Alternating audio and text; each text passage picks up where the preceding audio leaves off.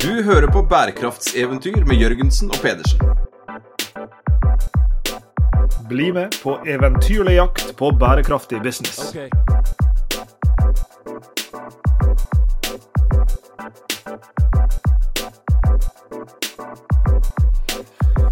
Hvordan i all verden Sveinung, skal en eh, få til å gjøre næringslivet grønnere? Det er et stort spørsmål i seg sjøl. Og hvis vi i tillegg gjør den der mer eh, spissa og spør oss hvordan i all verden skal vi få med oss alle store og mellomsmå bedrifter i, inn i det grønne skiftet, med kraft og glede og engasjement.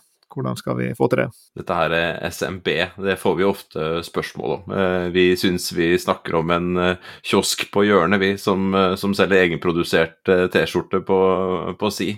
Og allikevel så kommer en annen hånd opp og spør liksom Ja, men hva med små og mellomstore bedrifter? De Dette er et sånn gjengående tema, eh, og det er jeg veldig glad for at vi skal få anledning til å, å dykke litt sånn skikkelig ned i. Ikke at jeg helt stoler på at lytterne vil være fornøyd etterpå, for det, liksom, det blir, blir verken smått nok eller, eller smalt nok. Men uh, i dag skal vi gi det en real sjanse, Lars Jakob. Det skal vi. Og det er ikke kun små og mellomstore bedrifter vi skal, vi skal snakke om, men jeg er helt sikker på at det er noe vi kommer til å, å komme inn på. Og, og, veien vi skal inn i dette her i dag, det er jo gjennom en ordning som, som jeg er helt sikker på at omtrent alle har hørt om. Eh, mange kanskje vet om, men jeg tror mange også er litt der at de, de vet hva det er, men de vet ikke helt hva det er. For å si det på den måten. Eh, og det er miljøfyrtårnordninga. Og hvem, da, hvem er da en bedre gjest å invitere til å snakke med oss om det enn den administrerende direktøren i stiftelsen eh, Miljøfyrtårn. Eh, så det er en stor glede for oss å invitere Ann Kristin Ytreberg inn i Bærekraftseventyrstudio. Velkommen til oss, Ann Kristin. Tusen takk, kjekt å være her. Det er jo fristende å gå rett på sak, da. Hva vil det si eh, å bli sertifisert som et eh, miljøfyrtårn? det er et godt spørsmål. Du, det vil eh, si at du må ta tak i det som er dine vesentlige miljø- og klimaaspekter. Eh, og så må du jobbe med det over tid. Eh, og kontinuerlig forbedring er jo litt sånn forslitt begrep, men det er egentlig det du skal gjøre. Du skal jobbe med dette her over tid, sånn at det setter seg i kulturen i virksomheten. Eh, og så kan du også rapportere på det du oppnår, da. Så vi, vi snakka egentlig på, på, språket om en sånn styringssløyfe, hvor du først skal finne ut hvor du har dine vesentlige påvirkninger. Og så skal du eh, sette deg noen mål i forhold til det. Og så skal du gjøre tiltak. Og så skal du faktisk rapportere på dem. Og så skal du begynne på nytt med å eh, se på hva var det vi gjorde, hvor langt har vi kommet, hva kan vi gjøre videre i år. Og så eh, har vi jo verktøy for å gjøre dette her. Og så blir du sertifisert. Da kommer det en sertifisør eh, som er en tredjepartssertifisør, altså han er ikke ansatt av oss. Han eller hun kommer og så går gjennom alt, og så får du enten så får du eh, tommel opp, eller så må du jobbe med forbedringer før du kan få sertifikatet. Og det, den personen kommer hvert tredje år. Så har man en årlig samtale også med den personen, sånn at man faktisk jobber med dette kontinuerlig, for det må jo være litt av vitsen. Vil, og Det vil jo da si, altså det ligger jo i det her Kristine, at, at eh, det, det, er en utvikling her som vi ønsker. Men så går jeg ut ifra at her er, det, her er en terskel, da, en slags terskelverdi du må komme over for å bli sertifisert. Eh, men, men, er den på, en, på, et vis et bevegelig mål? Altså er det, er det et krav etter ordninga at du har en stadig forbedring, eller er det slik at det er en terskelverdi som når du er over den, så er du sertifisert, og det er i en viss forstand altså, ferdig arbeid. Eh, altså selvfølgelig kan, vil en jo både håpe og en vil tenke at bedriftene fortsetter å forbedre seg og, og, og utvikle seg. Men, men liksom er det bakt inn i sertifiseringsordninga at denne liksom, videre bevegelsen oppover i, i, eh, i det grønne hierarkiet fortsetter? Godt spørsmål. Eh, hvis du ser på f.eks. andre merkeordninger som går på produkter, så har de ofte terskelverdier. Sant? Du skal ha så og så mye ja, så, så, lite giftstoffer for, da, for å få eh, enkelte produkter gjennom sjampo osv. Men vi jobber jo med, med bedrifter, vi jobber med virksomheter her. Så vi har ikke en sånn terskelverdi på samme måten. Så meninga er jo at eh, kontinuerlig forbedring skal fortsette i det uendelige, og du skal bli bedre og bedre. Og Før så var det egentlig et litt mer legitimt spørsmål, for da jobba vi veldig mye med, med drifta, bare drifta. ikke sant? Da jobba vi med, med avfallshåndteringa di, vi jobba med energiforbruket ditt. Eh, og, og, og, da var det ofte slik at du kom til et visst nivå hvor du på en måte nesten ikke kunne jobbe videre. Men siste årene så har vi jo begynt å ta med dette med verdikjeder også. ikke sant? Og, og hva er det som egentlig er vesentlig? Og, og, da er ikke du ferdig. ikke sant? Da, da, da, er vi inne i sirkulærøkonomien, vi er inne i å jobbe med underleverandørene dine. Um, så da er svaret nei. Og det som eh, sertifisørene er blitt mye mer bevisst på nå, er å si OK, hvordan har du bevega deg siden sist? ikke sant? Hele tida prøve å utfordre eh, på hvordan man har jobba med dette her. Men det du sertifiseres etter, er at du jobber på denne måten, ikke tersklene. Sånn, neste spørsmål da er jo sånn og, og nå stiller jeg bevisst litt sånn no, Noen av spørsmålene jeg stiller, vet jeg et stykke på vei svare på, andre, andre, ikke i det hele tatt. Så, så sånn den, den, naive spørsmålsstilleren her. Og et, sånn, et spørsmål som jeg tror mange stiller seg når de hører om denne ordninga. Og jeg husker dette kom opp når, når vår egen institusjon, Norges handelshøyskole, ble, ble sertifisert. Det er jo sånn, Hvor vanskelig er dette her? Eh, og, og, og, kanskje du kan sette litt ord på det. altså Hvordan ser veien ut for en, en helt vanlig SMB da, som bestemmer seg for at nå skal de bli miljøfyrtårnsertifisert. Eh, hvor vanskelig er den? Eh? Det er jo et litt vanskelig spørsmål om hvor vanskelig det er. det kommer litt an på hva du gjør på. Eh, vi er veldig opptatt av det som heter vesentlighet. Og det kan klart at eh, vi, det som vi gjør da, er at vi tenker at et, kvaliteten skal ikke gå på hvor vanskelig det er å komme i gang. Kvaliteten skal gå på at du faktisk gjør de riktige tingene. Så vi jobber veldig etter bransjeprinsipper. Så vi jobber sammen med bransjeforeningene. Vi jobber sammen med firma i bransjen. Så hvis du er en snekker, så har du noen ting som vi vet allerede er ganske vesentlig. Så skal du i tillegg gjøre en vesentlighetsanalyse sjøl også. Men da, hvis du er en snekker, da, for å ta det eksempelet, og da vet du f.eks. at avfallshåndteringa er faktisk ganske viktig.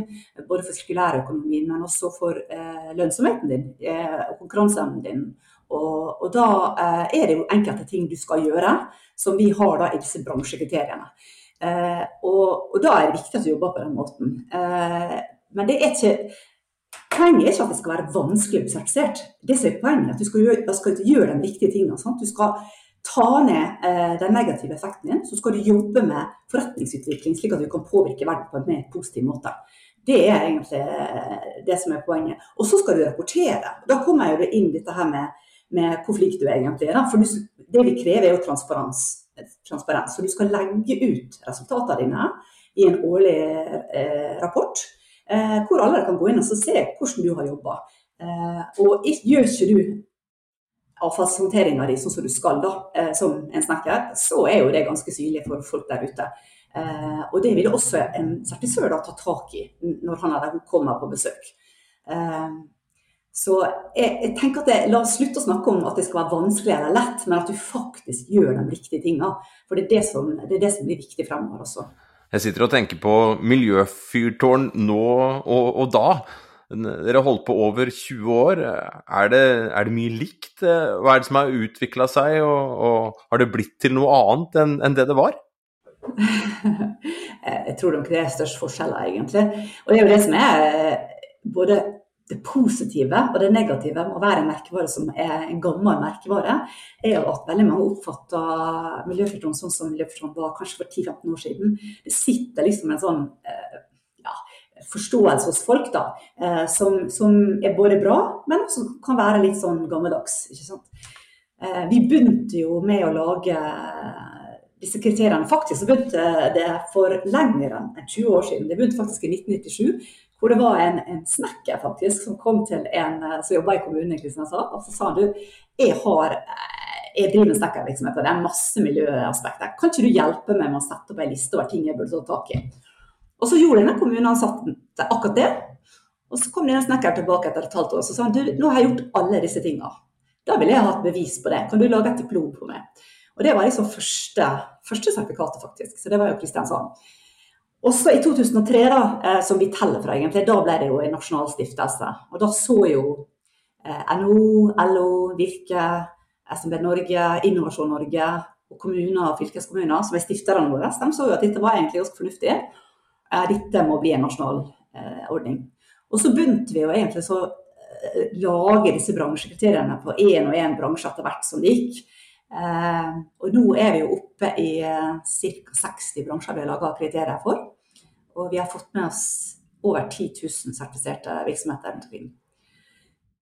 Og Innholdsmessig da, så har vi beveget oss veldig fra dette driftsmessige som jeg snakka litt om i stad, til å begynne å se mye mer på hva som er vesentlig. Vi har fremdeles med oss uh, disse basic tingene, for det må jo, alle må feie for døra og gjøre det de kan der, der de er i forhold til huset sitt og drifta si. Men det vi har tatt mye lenger nå, vi kom jo med nye kriteriesett for alle for halvannet år siden.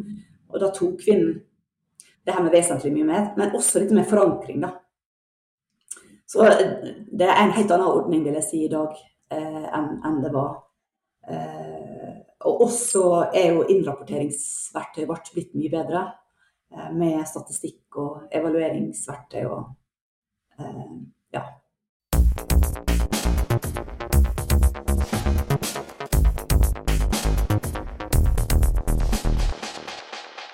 Det er jo litt sånn med sånne, sånne typer ordninger som dette, og, og også sånn hvis vi tenker på det som en prosess, da, for det er jo slik jeg hører deg snakke om det, at det, du, skal en, du skal på en måte forplikte deg til en slags uh, forbedringsprosess. At det er en, kanskje en viktig funksjon i dette. Altså, en måte å tenke på det er som en slags sånn eh, gateway drug.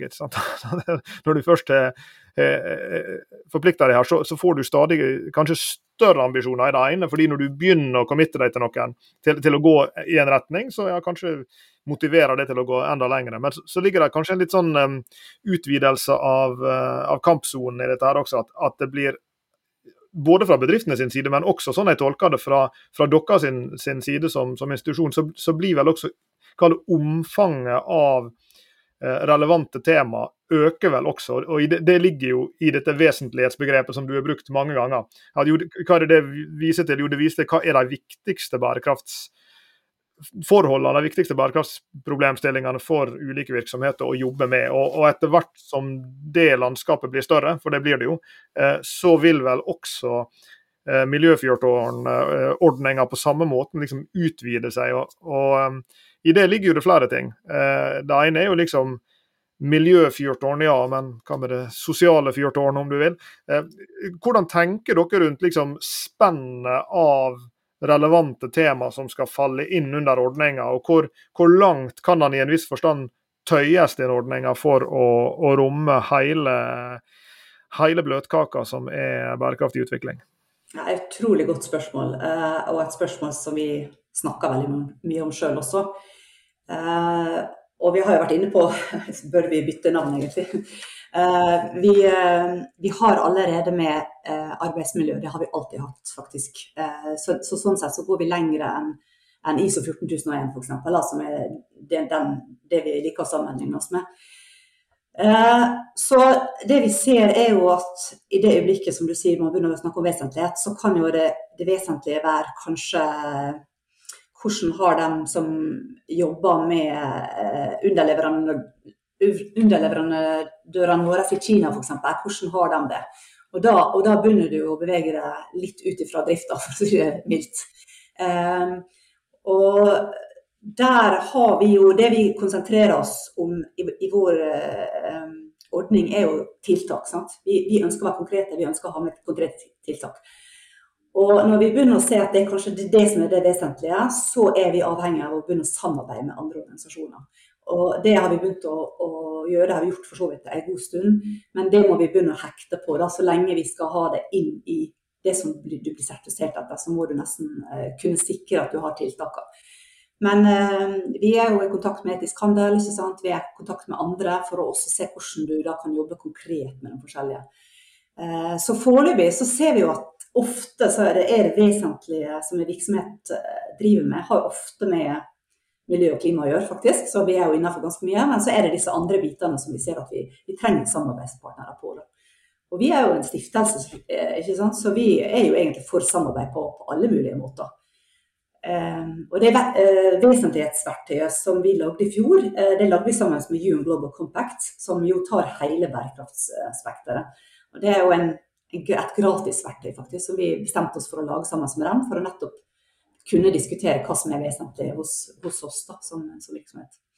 eller hos, hos din virksomhet. Du nevnte UN Global Compact her, og det er jo noe interessant Kristine, over liksom den her, her er jo mange ordninger, institusjoner, for den del regulerende myndigheter, stiftelser, liksom alle mulige slags aktører som, som sammen har likearta formål. ikke sant? Og så Samtidig så er noen av dem mer eller mindre i i en slags konkurransesituasjon med hverandre, men, men, noen ganger er det liksom hensiktsmessig å samarbeide, og, og, takk og lov for det.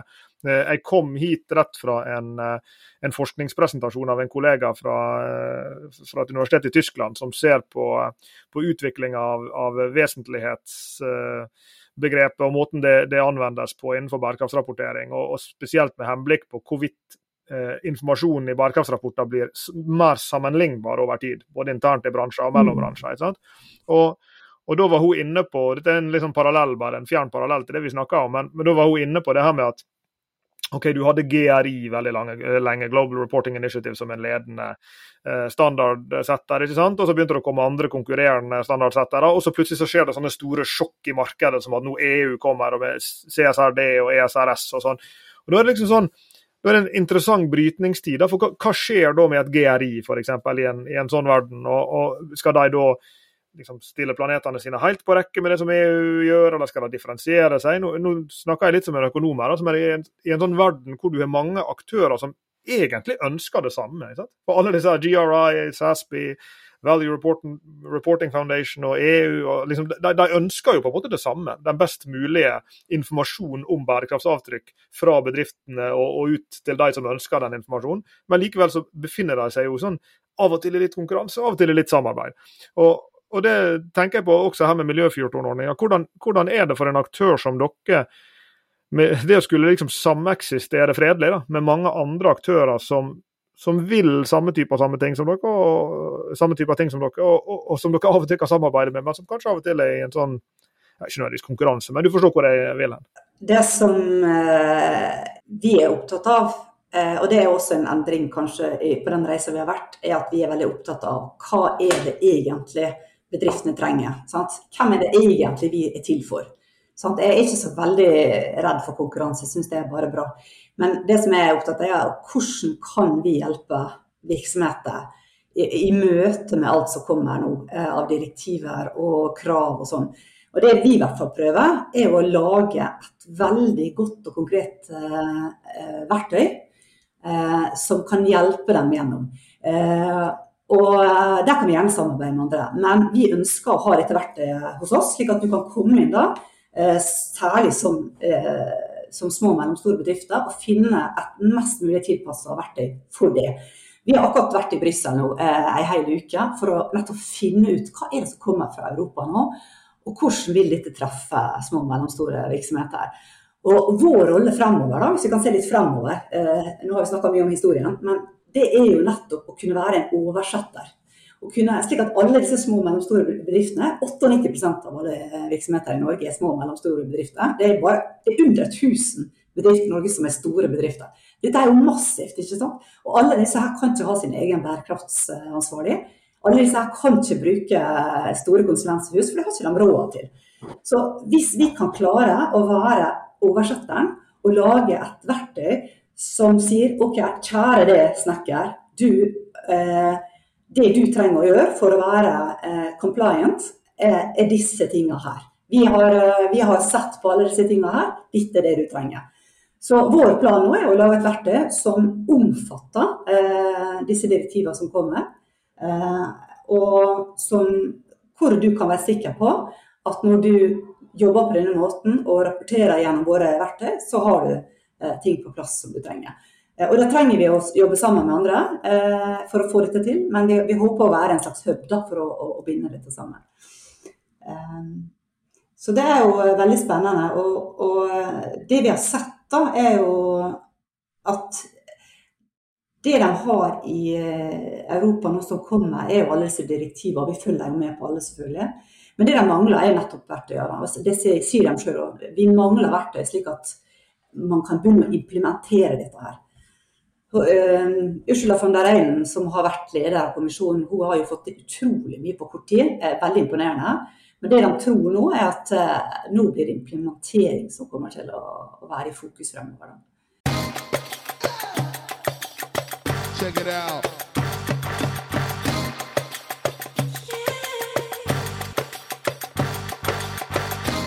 Det skjer jo mye nå rundt kunstig intelligens. Vi hadde en veldig spennende episode her med Anders eh, fra Energi AI.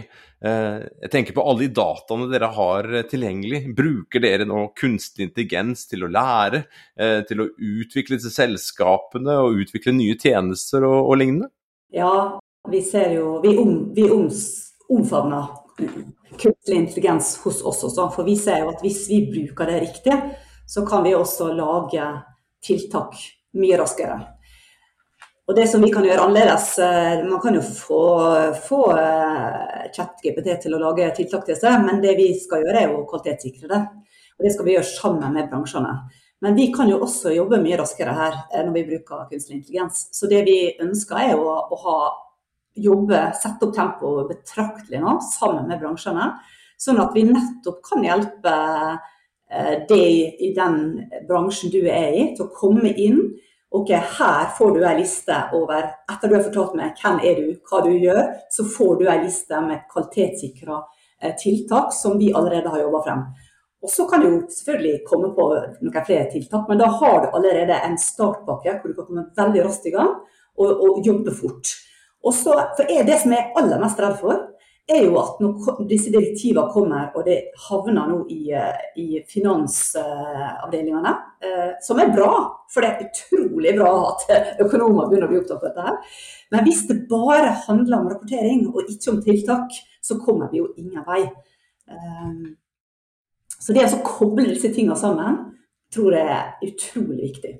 Det er jo en, en sånn spennende um, dobbelthet i dette med liksom frem, fremveksten av ESG og liksom implikasjonene for å kalle det bærekraftig business. Da. Fordi På den ene sida skal en jo være veldig glad for alle disse store sånn, bærekraftig finansutviklingstrekkene, fordi at de har liksom vært med på å løfte businessrelevansen av dette her. og liksom en, Når havet stiger, så tar det med seg alle båtene, nær sagt. Samtidig så er det jo noe sånn skummelt i det som du er, inne på her, da, nemlig at det kan bli litt sånn fremmedgjørende, eller kanskje til og med gjør gjør litt apatisk de som føler at ja, men vi er jo så små, vi, ikke, vi er ikke eksponert for finansmarkedet på den måten der. Det er ikke sånn at det sitter finansanalytikere og, og ringer til oss mandag morgen for å, for å grave i vesentlighetsanalysen vår, sånn som de kanskje gjør til, til Orkla eller Yara eller Telenor. ikke sant? Eh, så, så, på en måte så, så kan jo ESG-utviklingstrekkene gjøre at, at, for mange SMB-er så føles bærekraft mer sånn om ikke uoppnåelig, så i hvert fall ne, Jeg mener ikke at bærekraft er noe som ikke angår dem, men, men, at liksom den ESG-greia blir noe som kanskje ikke angår dem. Dette har jeg og Sveinung kjent på, på, eh, på kroppen sjøl når vi har jobba med mange SMB-er de, de, siste åra i ulike eh, sammenhenger. Og, og, da blir det jo så viktig å ha på plass disse hands on måtene å tenke bærekraftig business på som er egnet for den kategorien av virksomheter. Eh, og Kanskje du tar oss litt med inn i det der, fordi du, du sa det i stad at uh, ja, de aller fleste norske bedrifter er SMB-er. og Jeg kan forestille meg at dere er i kontakt med over gjennomsnittlig mange av dem. Uh, så, så, hvordan ser dette her ut for, for dine grupper? Hva, hva, er det som, liksom, Hvordan tenker dere rundt den sånn mobiliseringsutfordringa? Hvordan liksom, vise fram relevansen for dem? Hvordan få dem i gang? For de som vi vet det er fare for å kaste rundt seg med klisjeer. Altså det, liksom det, første steget er jo det vanskeligste. Etter du har begynt å gå, så er jo du i gang å gå. ikke sant? Men hvordan, hvordan mobilisere disse SMB-ene? Hvordan jobber dere med det, og hva har dere lært av på en måte hva som funker, da, eh, om du vil, for å få det i gang? Jeg er også utrolig redd for at de blir sittende på gjerdet. For det er det veldig mange som gjør akkurat nå. De tenker at dette, dette kommer ikke til å treffe oss, nå setter vi bare tilbake og venter. Men det det handler om, det er jo konkurransekraft, egentlig. Og det syns jeg vi må snakke mye mer om det å ikke miste alle disse små og mellomstore nå, fordi de sitter bare og venter. Eh, fordi selv om det ikke kommer direktiver nå som treffer dem med en gang, så vil dette komme ganske fort eh, når de store skal begynne å rapportere. Eh, når du får dette direktivet som kommer fra Europa om aktsomhet, due diligence, så vil de banker og forsikringsselskap allerede, de vil raskt begynne å etterspørre det. Og Da må de små og mellomstore faktisk være klar for å, å ha konkurransekrafta. Men jeg, jeg, tror det handler om jeg tror det handler om å ikke gjøre for vanskelig, for det behøver ikke være for vanskelig. Det er ikke så veldig mye enda den eh, egentlig trenger å svare på. Eh, dere, I tidligere episoder har dere snakka mye om skop 1, 2 og 3, ikke sant, og dette her. Foreløpig så har du jo en standard som, som, som heter eh, VSME, heter det. Det står for Voluntary for små og mellomstore eh, bedrifter. Og er, vi ser at det er ikke så store krav som stilles der. Så det er å komme i gang, og de tenker også veldig modulært i Europa. Og det skal vi også lære av i Miljøfyrtårn. Så vi skal lage litt modulært med å OK, kom i gang, her er det du trenger å gjøre, sånn og sånn. Og så kan du bygge på etter hvert hvis du vil avansere, og når du trenger å avansere. Eh, så jeg tror det, det handler om å eh, egentlig to-tre ting eh, for å få de små og mellomstore med. Vi må kommunisere til dem at dette handler om konkurransekraft og overlevelse. Dette er good business. Det er, det, er, bra for businessen din å, å gjøre dette her. Eh, og så må vi også presse på at det lønner seg, rett og slett. Eh, offentlige anskaffelser f.eks. Kjempeviktig muskel. 750 milliarder hvert år som brukes av det offentlige. Hvis de foretrekker de selskapene som gjør dette riktig, så vil så vil vi se fort at veldig mange flere gjør det også. Vi ser gjennom undersøkelser at det er den største driveren, faktisk. Det gir dem, gir dem fordel ved at faktisk de gjør det riktige. Så insentivene blir veldig viktige fremover, og også kommunikasjonen for å få dem i gang. Og lagre disse verktøyene, eh, som, som vi er et av verktøyene for. Sånn at det ikke tar så mye tid. Det behøver ikke være så tidskrevende. Kvaliteten skal være høy, men det er der vi kan hjelpe. da. Jeg regner med at dere er i tett dialog med alle de selskapene som har blitt uh, sertifisert. Uh, hva forteller de om uh, det arbeidet de gjør? bruker de innsikten fra sertifiseringen til å ja, etablere en ny kultur i virksomheten? Jobber de med kontinuerlig læring? Eller hvordan er det de eh, bruker den innsikten som de får gjennom å være sertifisert uh, miljøfyrtårn? Ja, det er veldig, veldig kjekt. Jeg elsker å snakke med folk som har gått i gang og gjort dette her. For det de ofte sier, er at wow, dette her ja, det var greit med alle disse konkrete tiltakene, det var kjempefint. Men det det gjorde med hele kulturen vår og organisasjonen, spesielt etter at det er forankra hos de ansatte, de får så masse god energi av det. Og det handler jo om eh, omstilling, dette her. ikke sant? Så kontinuerlig omstilling tror jeg nesten er bedre å, å kalle det en, en, en, forbedring, egentlig. For det er jo det Omstilling er jo ikke ferdig, ikke sant. Og, det, og de sier jo ofte at dette selve kostnaden med sertifiseringa, som vi for øvrig prøver å holde så lav som mulig, vi er jo en stiftelse, eh, den, den var tjent inn allerede før den ble ferdig. Men så alle de positive greiene den fikk etterpå, eh, det er jo det som på en måte er viktig, da.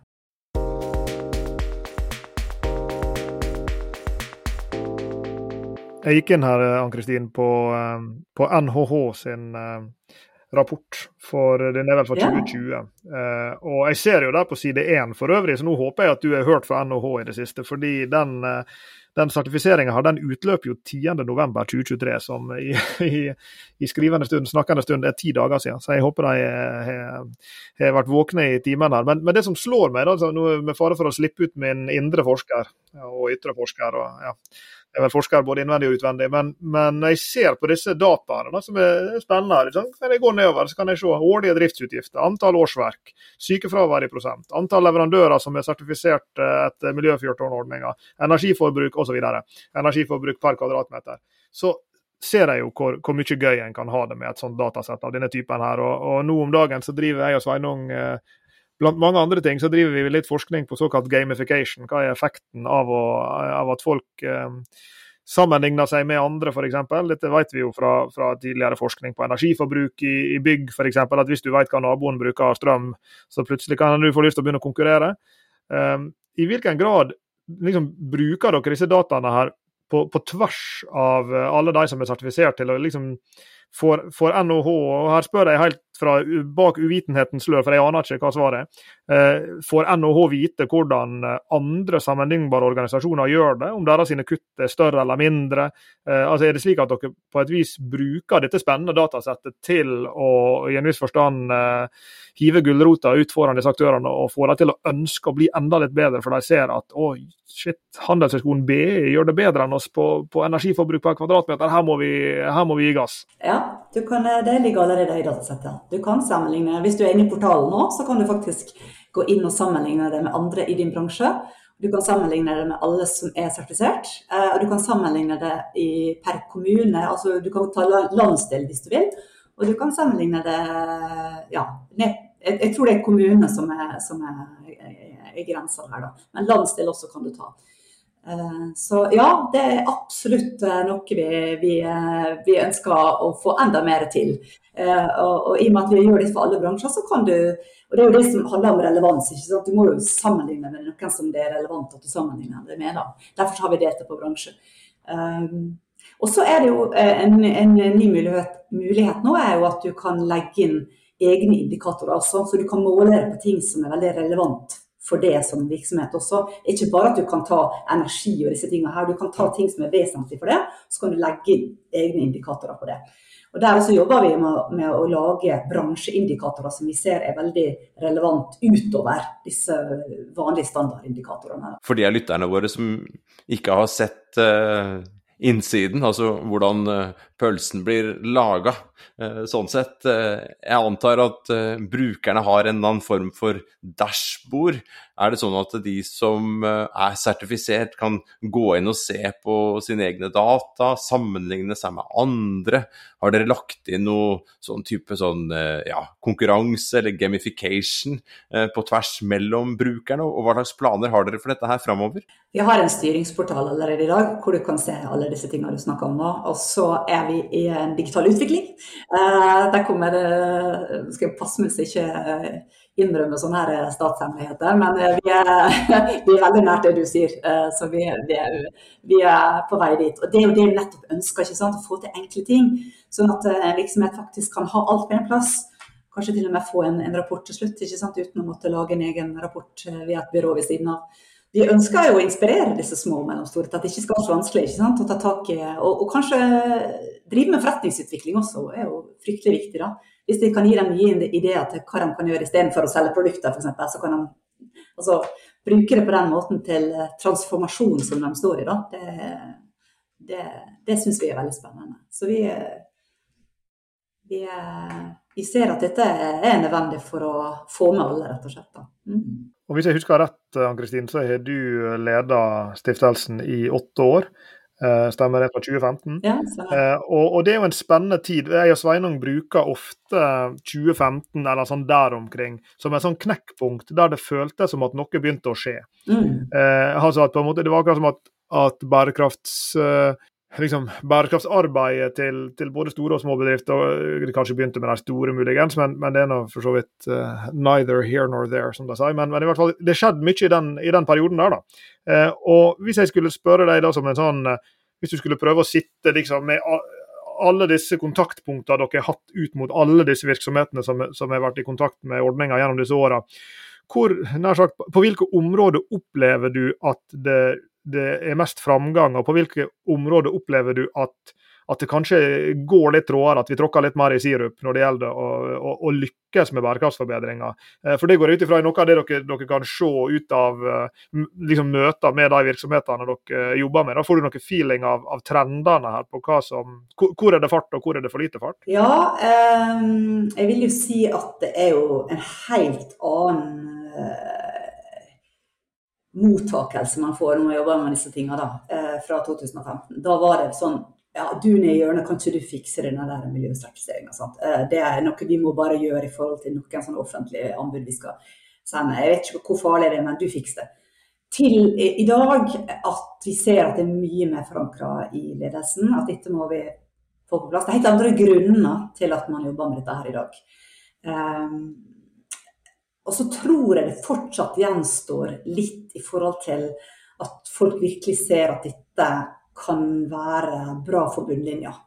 Eh, hos de små og mellomstore. Dette har sunket inn hos de store, men dette gjenstår fremdeles å innse for de små og mellomstore. Eh, spesielt for de små. Men de mellomstore er jo Det er så stort vidde i hva du kaller mellomstort. Men, men det ser jeg litt som min mission fremover. Å på en måte få med få dem til skjønne at dette her er jo lurt. Vi, skal vi være her om fem år, så må vi jo nødt til å gjøre dette her. Og at det er masse At du kan legge det frem i skolen og bli best og få masse fortrinn fra det. Det, Det tror jeg fortsatt er og det, Der må vi legge gode rammer også, da, spesielt fra politisk hold, tror jeg, for at det faktisk også er riktig. da. På, på, på, kort sikt så er det jo ikke så mange som ser akkurat den. Jeg ser på nettsiden at dere nå har 10 eh, 000 sertifiserte bedrifter og virksomheter. Det er jo imponerende at dere har fått så uh, mange bedrifter med. Hvordan har dere feiret dette, og hva er planene framover? Ja, det er klart det. Og det, for dette er ikke medlemskap. Dette er jo virksomheter som jobber med dette her, og som har gyldig sertifikat. Så det er jo eh, Nei, det er jo veldig morsomt. Vi, vi spretta en flaske champagne jeg innrømme, den dagen det skjedde, selv om det var midt på dagen.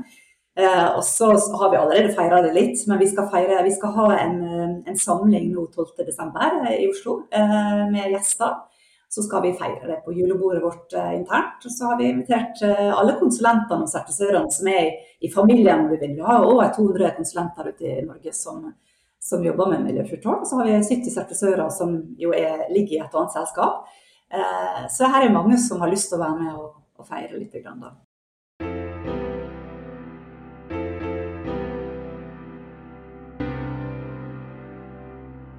Og Vi skal la dere feire snart, eh, Ann-Kristin, men du skal få lov til å, å lande denne, dette lille dykket ned i, i både miljø, miljøfyrtårnordninga og, og, den grønne omstillinga til, til, alle disse SMB-ene og, og, og, andre virksomheter.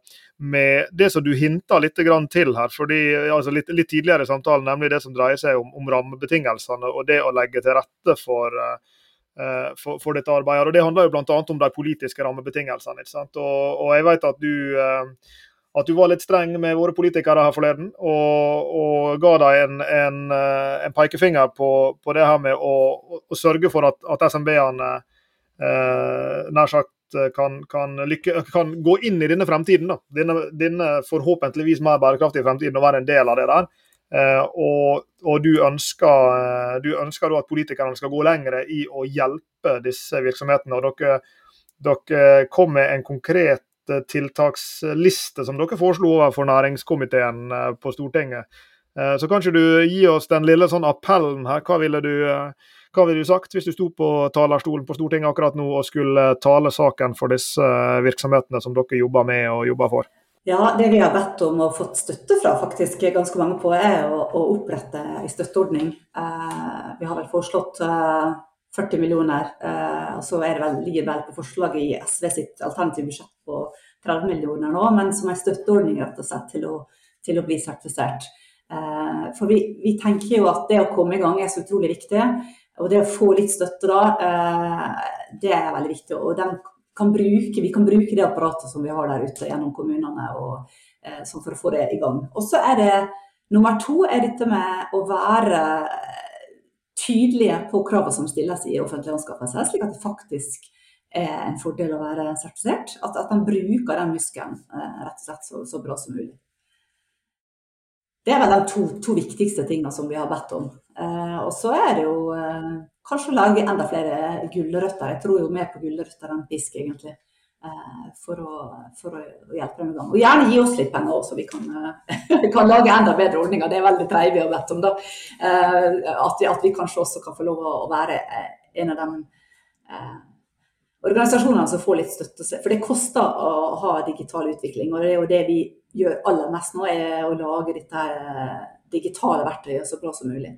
Og vi heier på dere, Ann-Kristin, i, i, det arbeidet og i, i, den store dugnaden som vi alle er del av på å prøve å, å pushe både de store og mellomstore prøver igjen, både de små og mellomstore, men selvfølgelig også de store virksomhetene eh, i denne retninga her. Og eh, det kreves mange tiltak og mye ressurser, som du er inne på, for å lykkes med det. Så eh, med det så vil jeg si tusen takk for at du var med på bærekraftseventyr i dag, og lykke til med de neste Fra 10 000 til, til 100 000, nær sagt, og, og de neste 20 åra. Tusen takk. Veldig kjekt å få være med. Du har hørt på Bærekraftseventyr med Jørgensen og Pedersen. Send e-post til eventyrkrøllalfa.jorgensenpedersen.no for å stille spørsmål eller komme med forslag til tema for fremtidige episoder. Og besøk jorgensenpedersen.no for mer informasjon om denne podkastserien. Okay. Derfra kan du også fortsette samtalen med oss i sosiale medier på Twitter, Facebook, LinkedIn, YouTube og andre steder.